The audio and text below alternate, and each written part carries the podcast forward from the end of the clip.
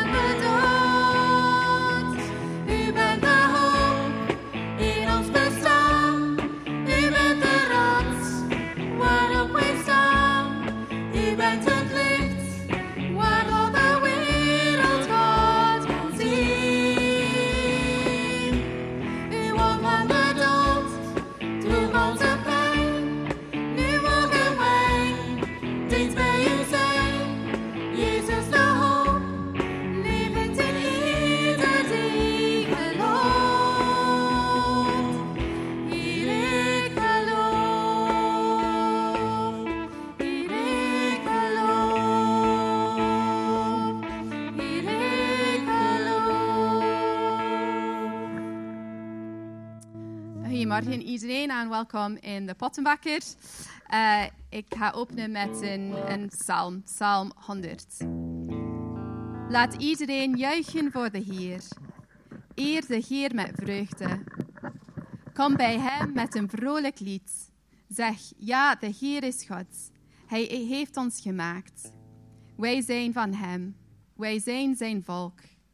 Hij zorgt voor ons, zoals een herde voor zijn schapen zorgt. Kom naar zijn tempel aan Hem te danken. Kom in zijn huis en zing voor Hem. Dank Hem en prijs Hem. De Heer is goed. Zijn liefde duurt eeuwig. Hij blijft altijd trouw. En we gaan dat vanmorgen doen. We gaan nog een paar liederen zingen eh, om God te prijzen en zijn naam groot te maken.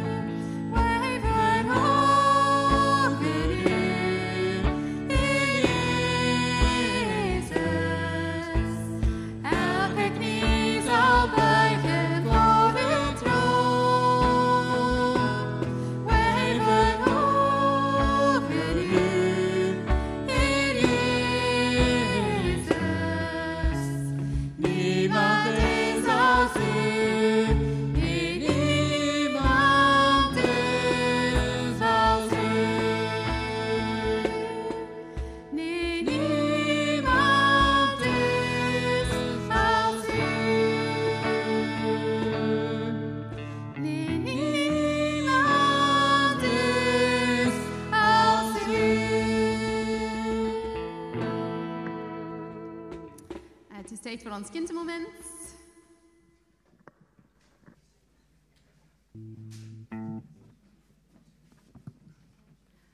Goedemorgen allemaal. Is het al een leuke vakantie geweest? Ja. Wie is er al op reis geweest? Oh, en daar waar ben je geweest?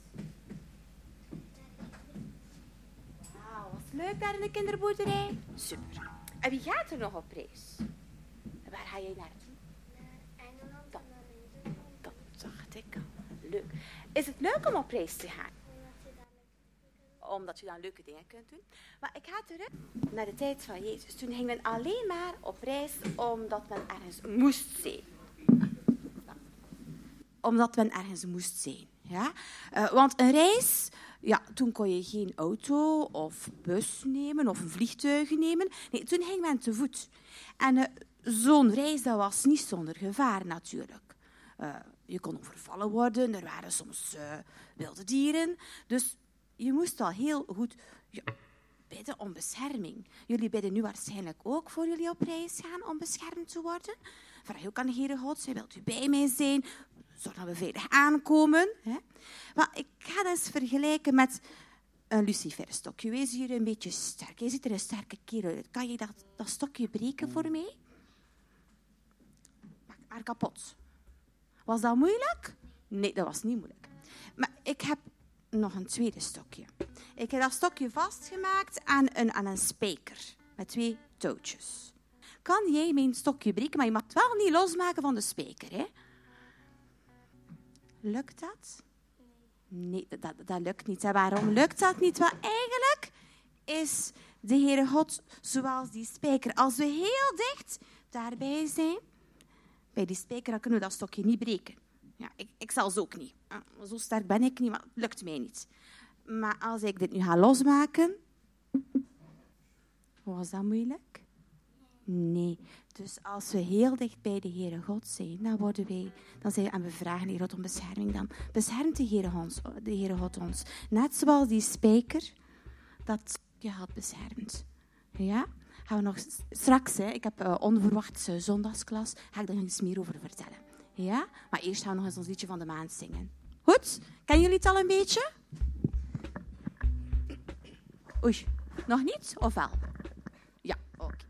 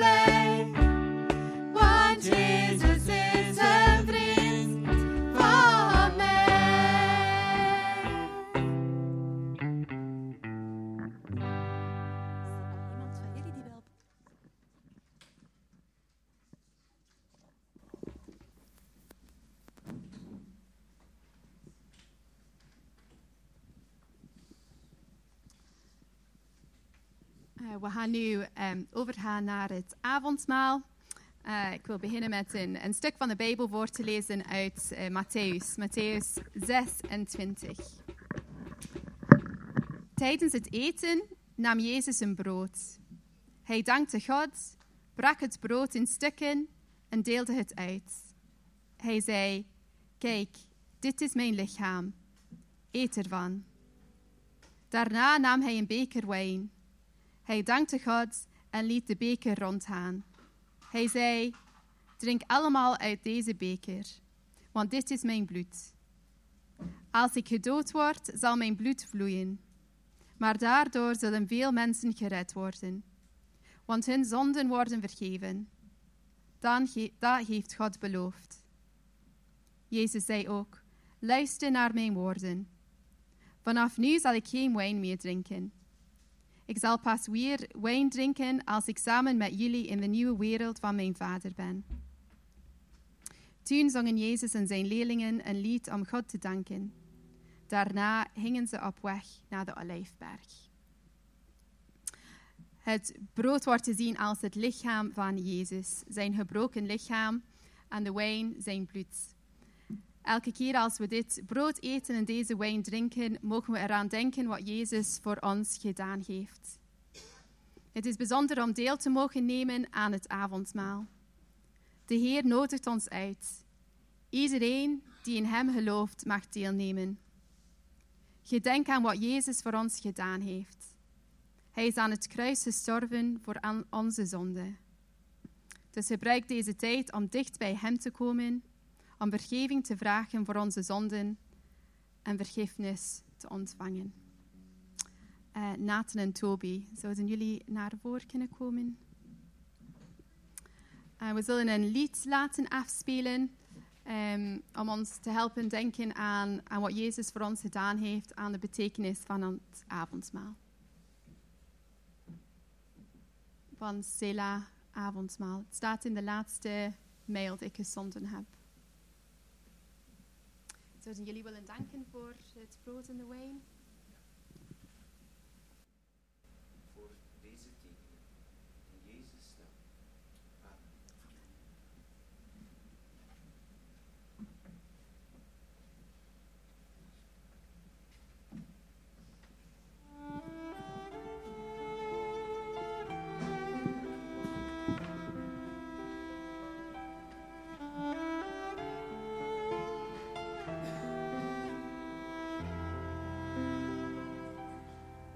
Breekbaar brood legt mij de woorden in de mond.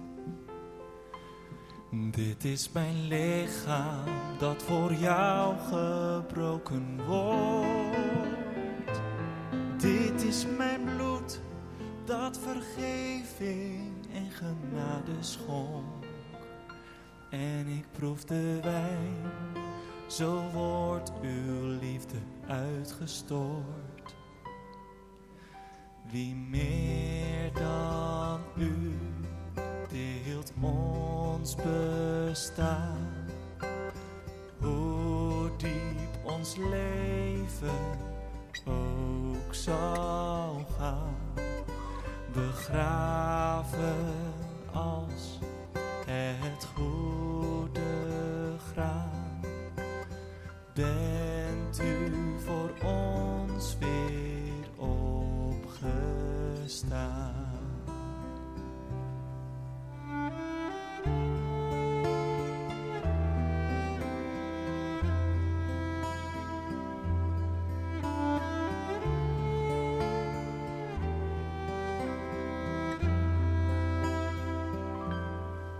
Dit breekbaar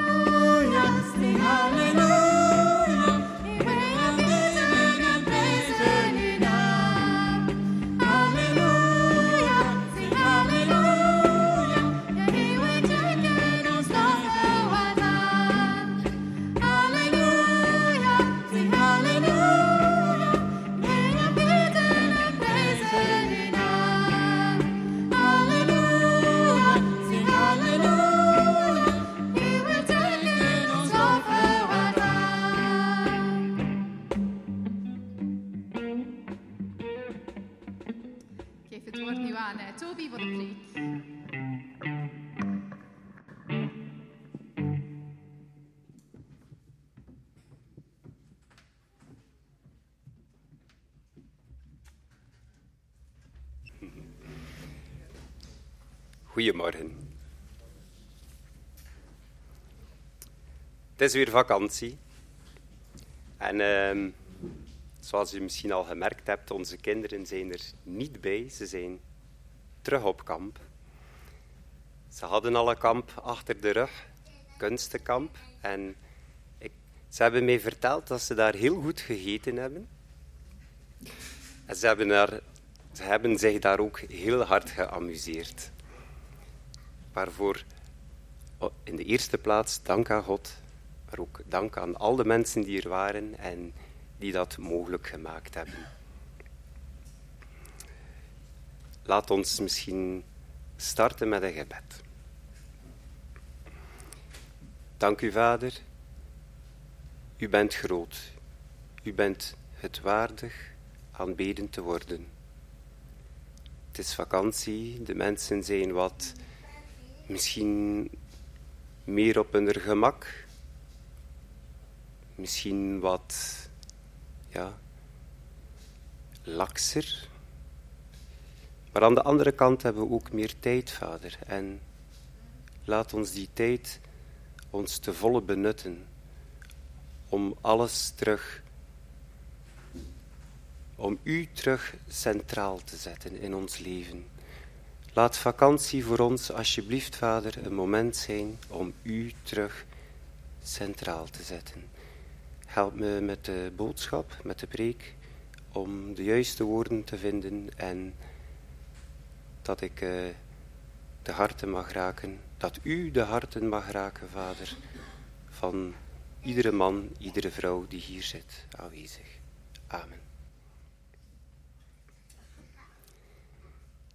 Dus de kinderen zijn op kamp. Het is heel rustig thuis. En eh, ze waren al dus eerder op kamp geweest, zoals ik gezegd had. En ik had de tijd om eh, rustig eens in mijn computer te kijken wat ik eh, daar allemaal zo had, om een les voor te bereiden.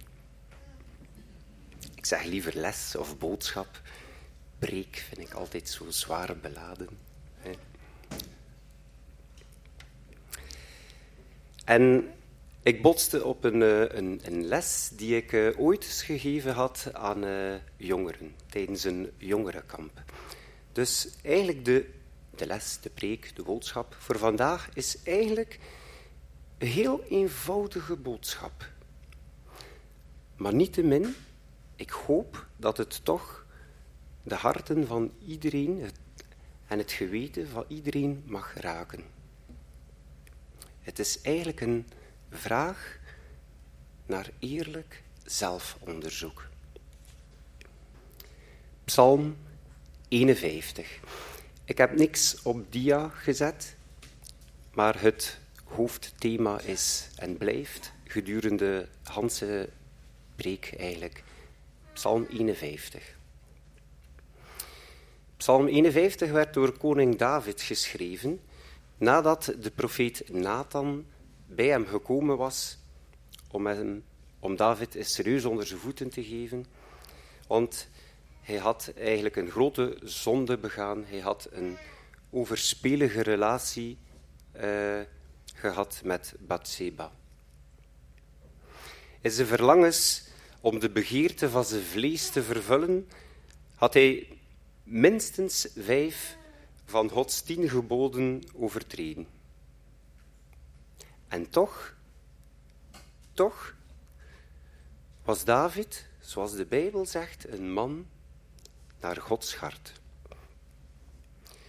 Deze David, terwijl hij een ander mans vrouw begeert, diezelfde David, die een van zijn eigen trouwe soldaten voorlicht en bedriegt om zijn eigen overspelige wandaden te verdoezelen nadat hij zijn vrouw, de vrouw van de man zwanger had gemaakt?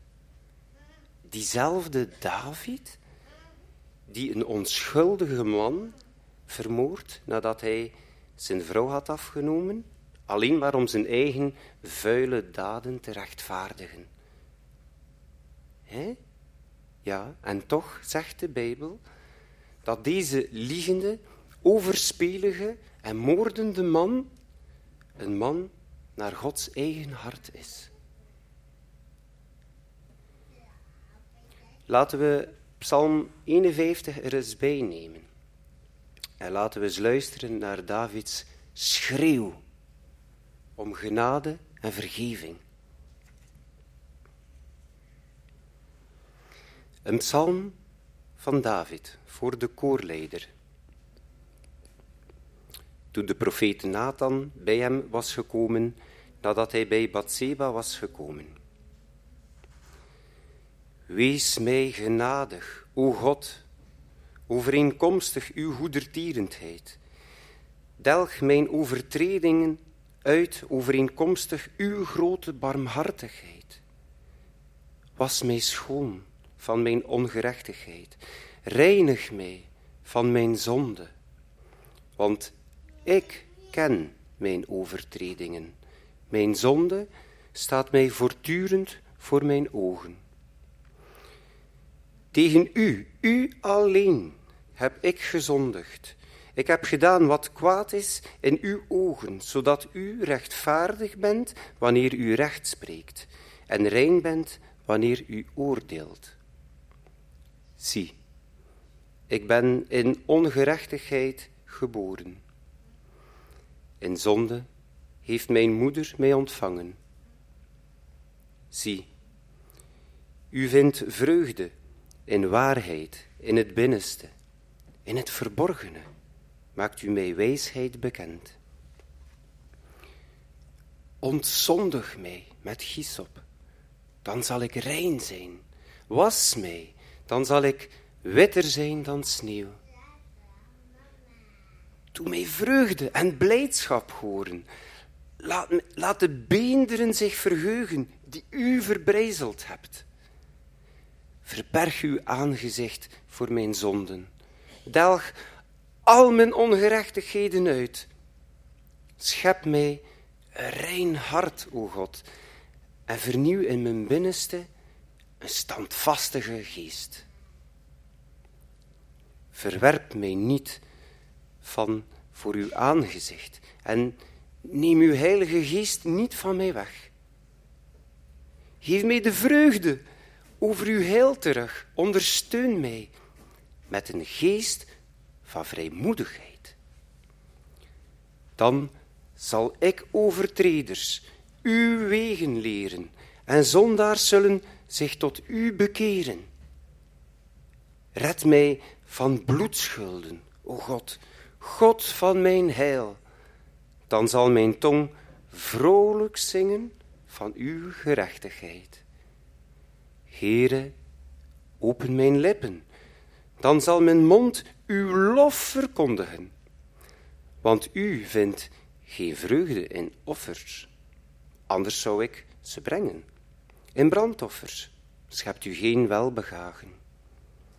De offers voor God zijn een gebroken geest, een verbrijzeld en verslagen hart zullen u, o God, niet verachten. Doe goed aan Sion, naar uw welbegagen. Bouw de muren van Jeruzalem op. Dan zult u vreugde vinden in offers van gerechtigheid, in een brandoffer en een offer dat geheel verteerd wordt. Dan zal men jonge stieren offeren op uw altaar. Ik hou van die 51ste psalm. Het is een heel persoonlijk gebed van zelfonderzoek, van belijdenis en een schreeuw om vergiffenis. En ik kan me ergens heel goed identificeren met de schrijver van deze psalm, met David. Goed te begrijpen, niet met dezelfde daden, maar dat maakt niet uit. Ik kan me goed identificeren met diezelfde, dat gevoel om die behoefte om vergeving. Want ook ik, ik ben een man naar Gods hart. Maar vaak merk ik dat ik afbreuk doe aan Gods goedheid en genade. De Bijbel zegt dat wij allemaal als schapen zijn afgedwaald. We hebben allemaal gezondigd en hebben tekortgeschoten aan zijn goedheid. Ja, zijn allemaal mannen en vrouwen naar Gods hart. Maar we merken dat we soms liegen. Ja, we zijn allemaal mannen en vrouwen naar Gods hart. Maar we haten elkaar. Ja, we zijn allemaal mannen en vrouwen naar Gods hart. Maar we stelen wel eens van een ander. Ja, we zijn allemaal mannen en vrouwen naar Gods hart. Maar we merken dat we elkaar achterna zitten en elkaar bedriegen. Ja, we zijn mannen en vrouwen naar Gods hart, maar we plegen overspel en ontucht. Ja, we zijn mannen en vrouwen naar Gods hart, maar we zien onszelf bezig met homoseksuele en lesbische activiteiten. Ja, we zijn mannen en vrouwen naar Gods hart, maar we doden ons eigen ongeboren baby. Wow, Toby.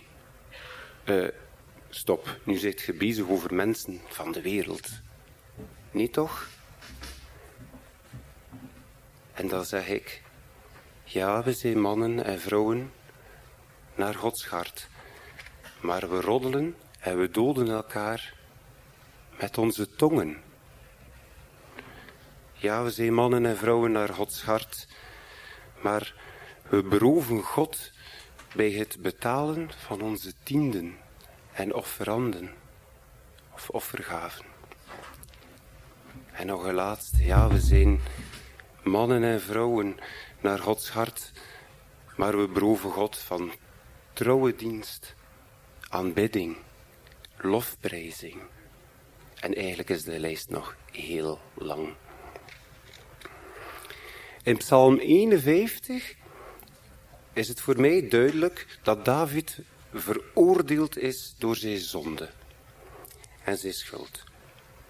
Deze psalm is eigenlijk de vierde van zeven boetepsalmen.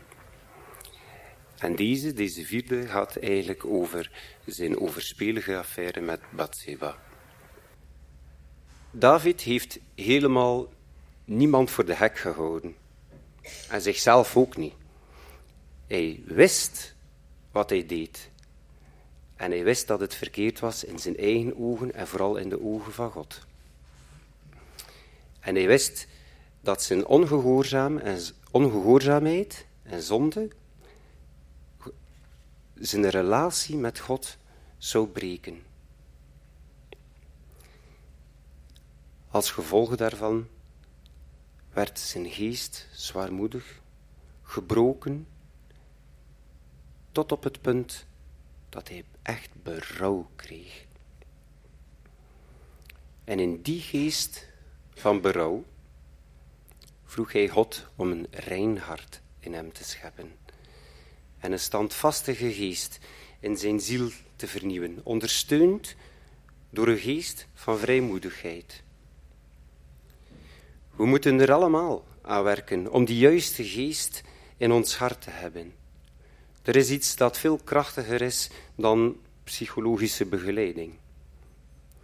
We moeten tot God komen in een oprecht, in oprecht berouw en met een gebroken geest en ons openstellen voor Hem tot in de diepste dimensie van ons leven. Want dat is de sleutel van geestelijke genezing. Hoe dat we psychologisch en geestelijk opgebouwd zijn, is eigenlijk een beetje vergelijkbaar met een huis met veel kamers. En we laten God toe in de woonkamer, in de living. Dat is goed, hè? Maar dat is ook waar iedereen komt. Hè? Maar laten we God toe in de vochtige kelder waar alle rommel ligt opgeslagen Of laten we God in onze geestelijke slaapkamer toe? Dat is ons privéleven, hè? daar beginnen we niet over. Of laten we God toe op de zolder, waar ons onverwerkte verleden ligt. David schreef in vers 8: Zie, u vindt vreugde in waarheid in het binnenste, in het verborgene maakt u mij wijsheid bekend. Moderne psychologen zouden dat waarschijnlijk het onderbewustzijn noemen. En het is zo, er zijn meerdere lagen in onze persoonlijkheid, maar God wil ons reinigen, niet aan de buitenkant. God wil tot het binnenste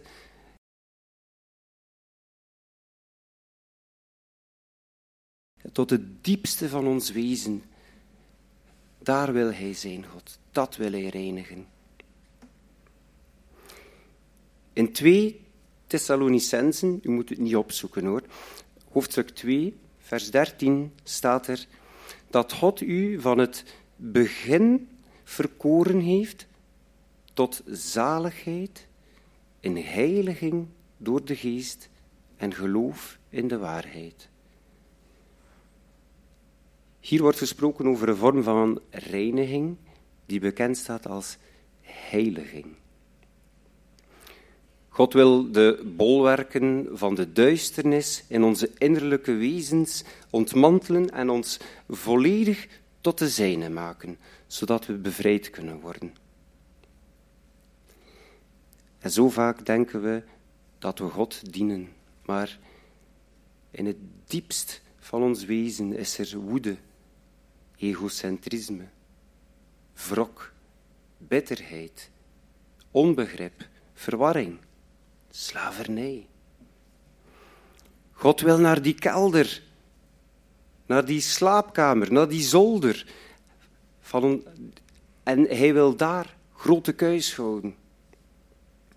Wanneer we die waarheid van 2 Thessalonicensen toestaan om naar, ons binnenste, naar onze binnenste delen te gaan, dat is wanneer we ons openstellen voor Gods proces van heiliging.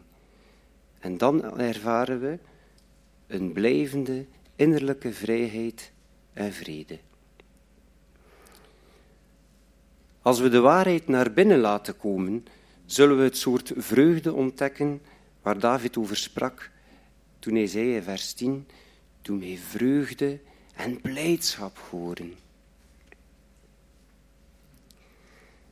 Davids gebed, die psalm, die zal voor altijd bekend staan eigenlijk als een met tranen doorweekte getuigenis over zijn gebrokenheid met God. En als een voorbeeld, zoals David zelf zegt, voor alle anderen die zondigen. Davids berouw kwam niet voort uit angst voor straf of wat er misschien in de toekomst nog allemaal zou kunnen gebeuren. Nee, David had berouw omdat hij God beledigd had. En met de terechtwijzing van Nathan realiseerde David zich dat hij eigenlijk op een dwaze manier iets heel kostbaars had vernietigd. En hij riep het uit om die gemeenschap terug met God te kunnen herstellen.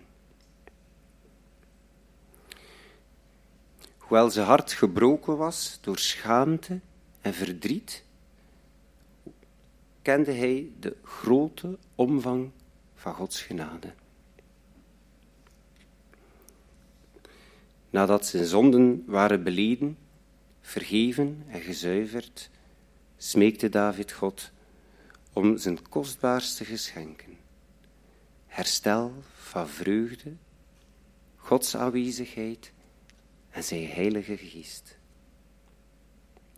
En dan biedt hij zichzelf ook heel nederig aan om gebruikt te worden als een instrument om Gods lof te verkondigen en om andere overtreders te onderwijzen. Dat zien we in vers 15. In Johannes hoofdstuk 4, vers 34, zegt Jezus: Mijn voedsel is dat ik de wil doe van Hem die mij gezonden heeft en zijn werk volbreng.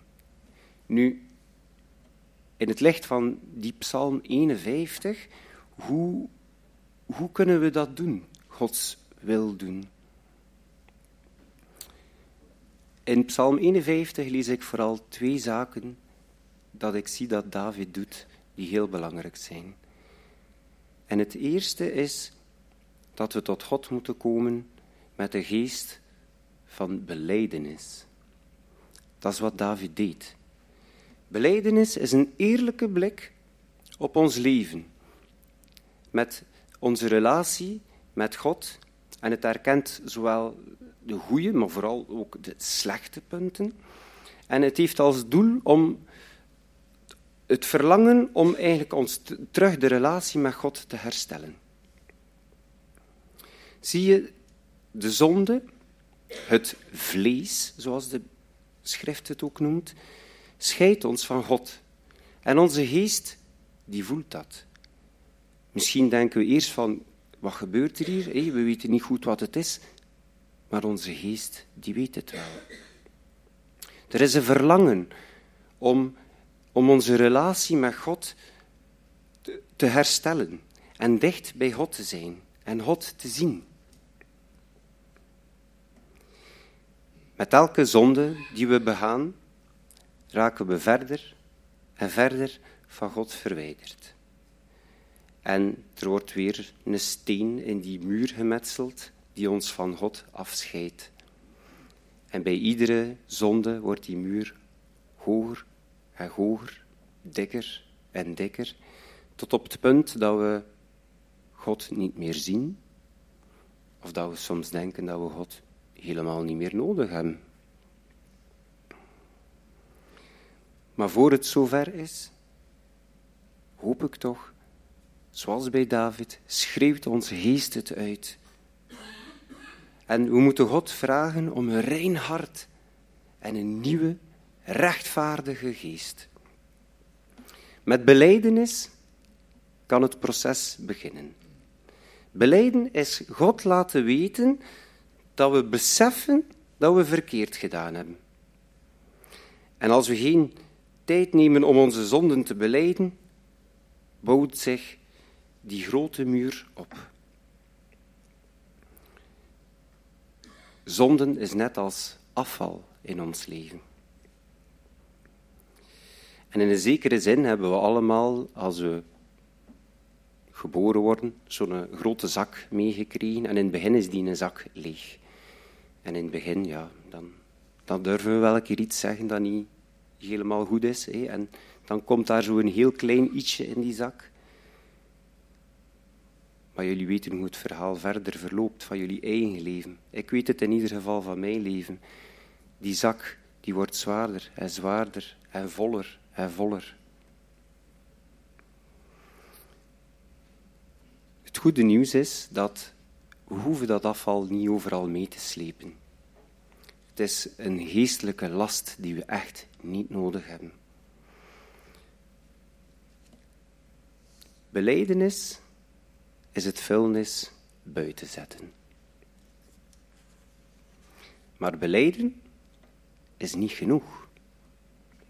Er zijn zo van die mensen die dat heel tof vinden om, uh, ja, om te beleiden. Hè.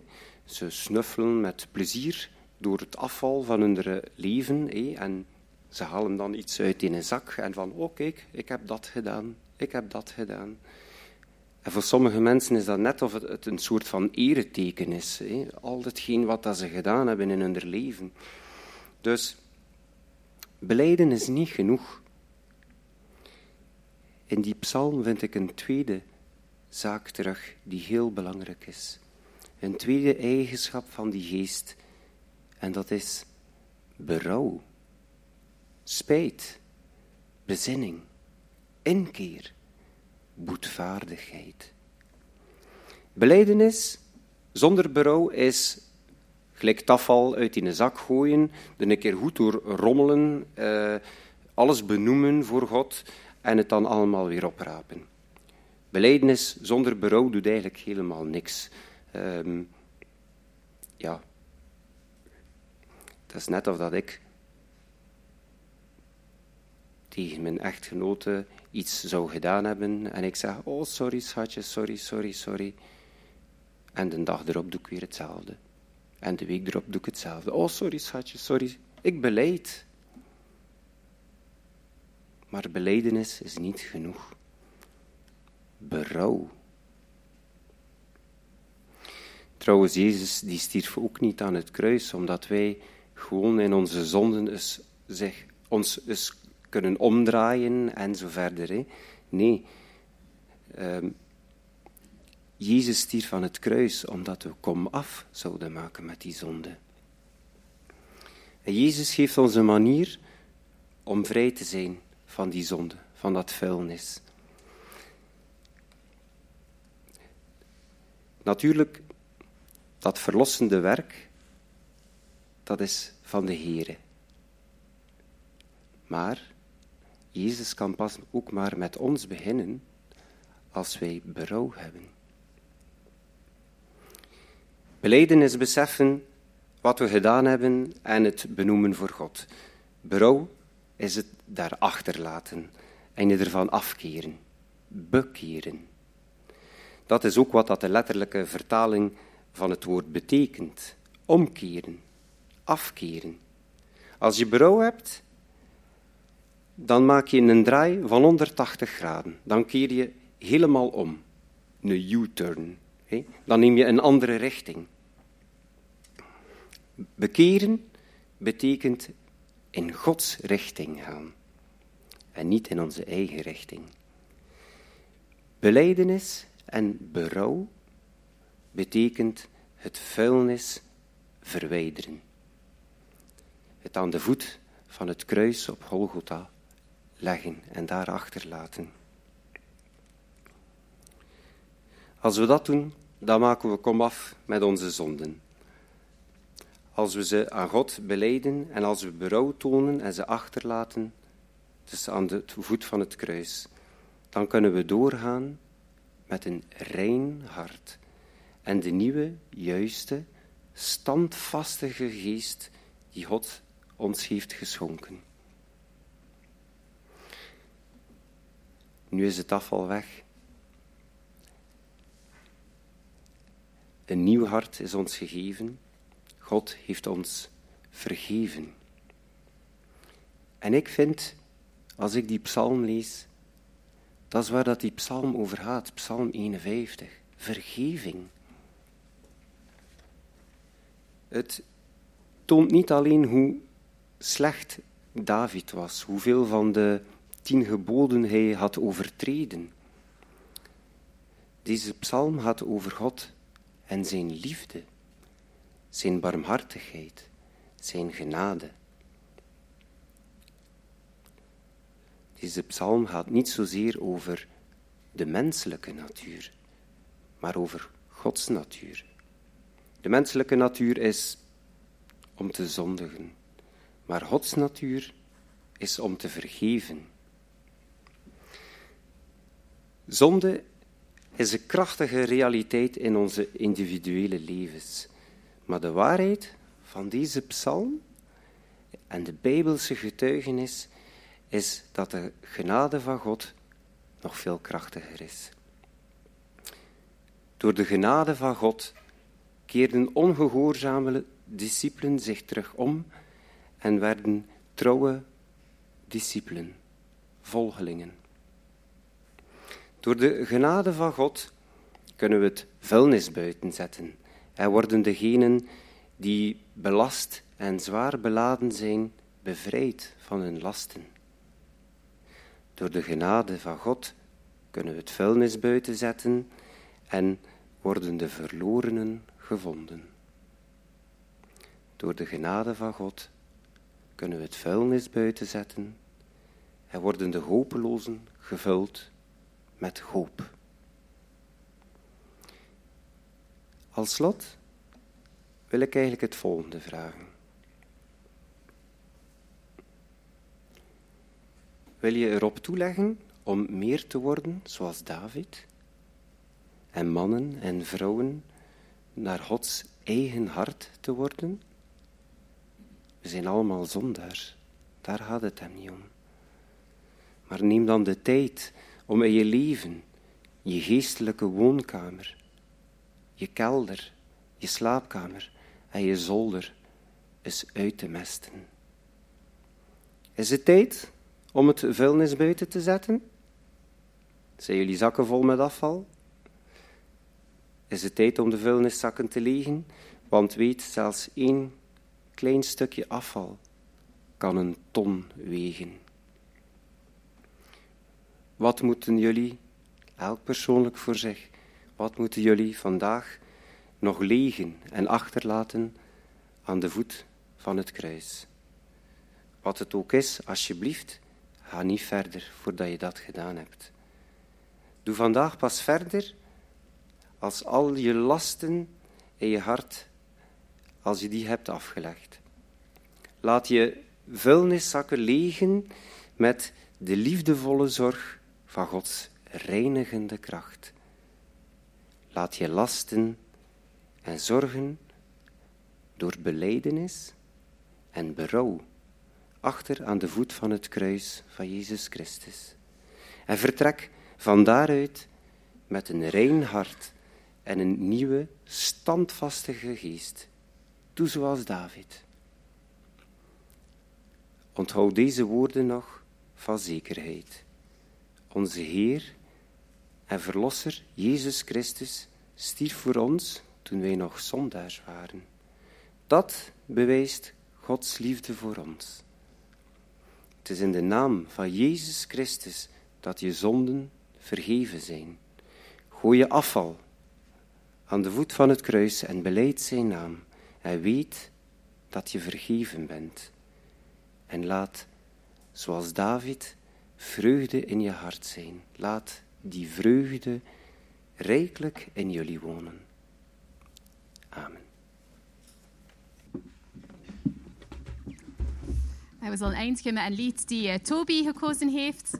Als Gods geest waarlijk in ons woont. Kunnen we misschien eh, recht staan voor ons laatste lied?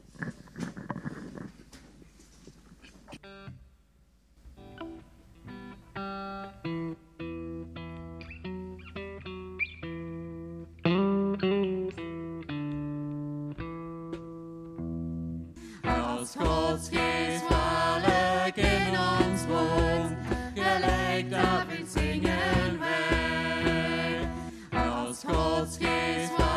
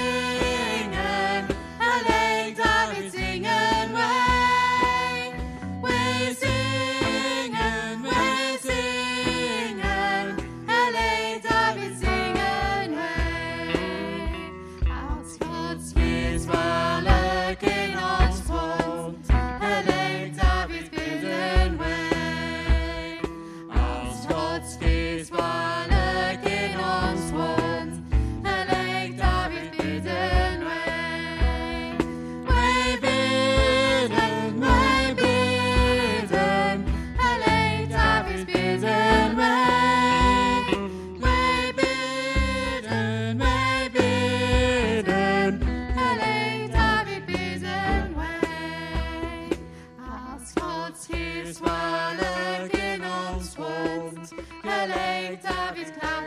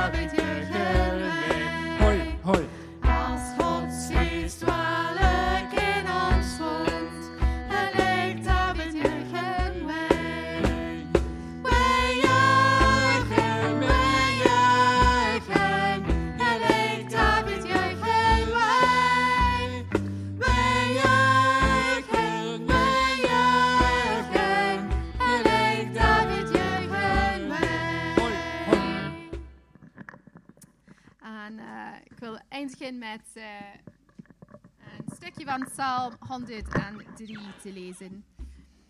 Ik dank de Heer, ik dank de Heilige Heer vanuit het diepst van mijn hart. Ik dank Hem voor alles wat Hij gedaan heeft. Nooit zal ik dat vergeten. Amen. En nog een goede zondag iedereen.